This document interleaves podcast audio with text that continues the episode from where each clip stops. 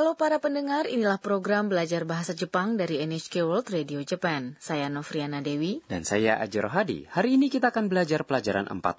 Kalimat kunci hari ini adalah... Otanjobi omedetou. Selamat ulang tahun. Tokoh utama dalam adegan kami adalah Anna, seorang mahasiswi asing dari Thailand. Hari ini adalah ulang tahun Anna. Sepupu Sakura, Kenta, sudah datang dari Shizuoka. Mereka merayakan ulang tahun Anna di sebuah restoran bersama kawan-kawan yang lain. Mari kita dengarkan adegan untuk pelajaran 45. Kalimat kuncinya adalah Otanjoubi omedetou. Selamat ulang tahun. Happy birthday to you アンナ、お誕生日おめでとうこれ、ほんの気持ちです。どうもありがとうございます。何をもらったの開けてもいいですか Sekarang mari saya jelaskan mengenai adegan tadi. う。アンナ、お誕生日おめでと Anna, selamat ulang tahun. う。アンナ、 Merujuk pada Anna. お誕生日 adalah ulang tahun. Ini adalah ungkapan sopan dari 誕生日 yang artinya ulang tahun yang diberikan sebutan kehormatan お di depannya おめでと adalah selamat. う。お誕生日おめでと Adalah kalimat kunci hari ini. う。お誕生日おめでと jika Anda ingin mengatakannya lebih sopan lagi, Anda dapat katakan omedeto dan setelahnya tambahkan gozaimasu. Maka kalimatnya menjadi otanjobi omedeto gozaimasu. Nofriana, bagaimana cara memberi selamat seseorang yang telah lulus ujian menggunakan omedeto gozaimasu? Mari kita coba bersama. Lulus ujian adalah gokaku. Maka kalimatnya menjadi Gokaku omedeto gozaimasu. Selamat telah lulus ujian ya. Betul sekali. Kenta memberikan bingkisan kepada Anna. Kore honno kimochi desu. Maksudnya, ini sedikit bingkisan.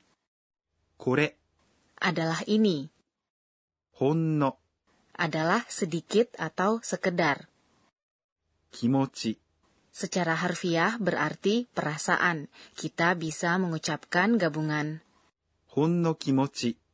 Saat memberikan bingkisan pada seseorang, ucapkan ini dengan harapan untuk menyampaikan perasaan rendah hati Anda bagi orang yang menerima bingkisan. Des adalah ungkapan sopan pada akhir kalimat. Di Jepang kita ingin merendahkan hati bahkan saat memberikan bingkisan. Kita ingin menyampaikan perasaan kita bahwa ini bukanlah benda istimewa, tapi mohon terimalah jika tidak keberatan. Anna menerima hadiah dari Kenta dan mengatakan, Domo arigatou gozaimasu. Terima kasih banyak. Domo arigatou gozaimasu. Yang artinya terima kasih banyak adalah cara lebih sopan untuk mengatakan arigatou gozaimasu, yang artinya terima kasih. Sakura kemudian bertanya, 何をもらったの menerima apa? 何 Adalah apa? を Adalah partikel yang mengindikasikan objek suatu tindakan. もらった。 Adalah kata kerja bentuk ta dari もらいます。 yang artinya mendapat atau menerima. Di sini bentuk ta mengindikasikan tindakan menerima telah terjadi atau telah selesai. no. Pada akhir kalimat ini merupakan bentuk singkatan dari no desu ka? yaitu ungkapan untuk mendapatkan penjelasan atau konfirmasi. Jadi kita ucapkan nani o moratta no? Anna kemudian bertanya. Akete mo ii desu ka? Buka bolehkah? Maksudnya bolehkah dibuka? Akete adalah bentuk T dari kata kerja. Akemasu yang artinya membuka jika Anda mengatakan Moi desu ka? Setelah bentuk T, maka Anda mencari persetujuan. Kita telah mempelajarinya di pelajaran 14. Jadi apa hadiah dari Kenta? Saya jadi penasaran. Kita dengarkan adegan untuk pelajaran 45 lagi. Kalimat kuncinya adalah omedetou. Selamat ulang tahun. Happy birthday to you. アンナお誕生日おめでとう。これほんの気持ちです。どうもありがとうございます。何をもらったの？開けてもいいですか？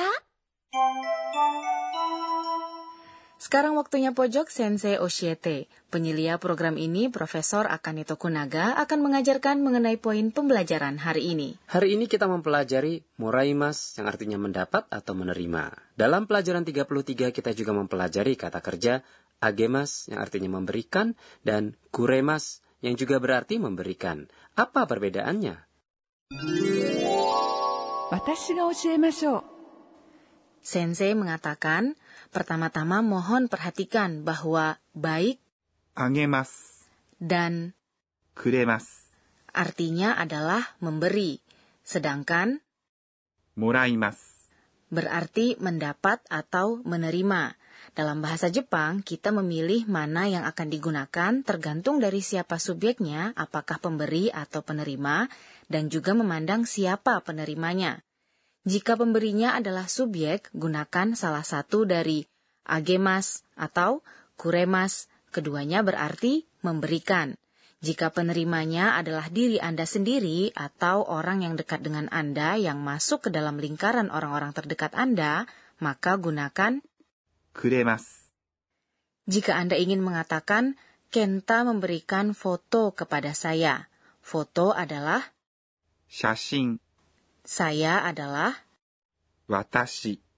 Gunakan partikel ni untuk mengindikasikan penerimanya. Jadi kalimat Kenta memberikan foto kepada saya adalah Kenta wa watashi ni shashin wo kuremasu.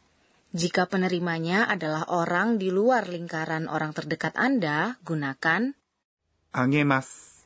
Jadi katakan Kenta wa Anna ni Kenta memberikan foto kepada Anna.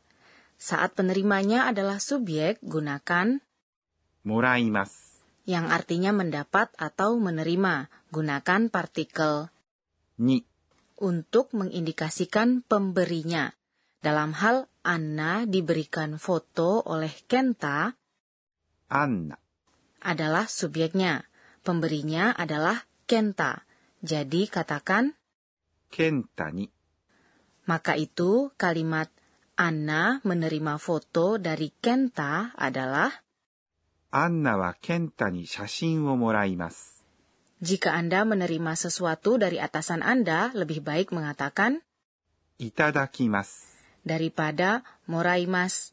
Jika menggunakan itadakimasu dengan tepat, Anda dapat merasa lebih yakin berbicara dalam bahasa Jepang. Itulah tadi pojok Sensei Oshiete. Berikutnya adalah pojok kata tiruan bunyi. Kami memperkenalkan kata-kata yang menyerupai bunyi, suara, atau perilaku. Hari ini kita akan membicarakan kata-kata tiruan bunyi untuk mengungkapkan emosi. Jin Jin menggambarkan bagaimana Anda tergugah hingga hampir menangis dan emosi Anda masuk hingga ke lubuk hati yang dalam. Saya dapat merasakan emosi mendalam menggema dalam tubuh saya. Horori. Horori. Menggambarkan bagaimana Anda tersentuh hingga keluar air mata dan merasakan simpati. Dalam kata tiruan bunyi hari ini kita memperkenalkan jin dan horori. Sebelum menutup perjumpaan, Anna mengingat kembali kejadian hari ini dan membuat catatan. Inilah pojok catatan si Anna. Itu, Yuwo. Kenta memberikan saya kalung dengan liontin berbentuk gunung Fuji. Saya begitu tersentuh dan merasa jing. Apakah Anda menikmati pelajaran 45? Kalimat kunci hari ini adalah Otanjoubi omedetou. Selamat ulang tahun. Ikutilah episode selanjutnya.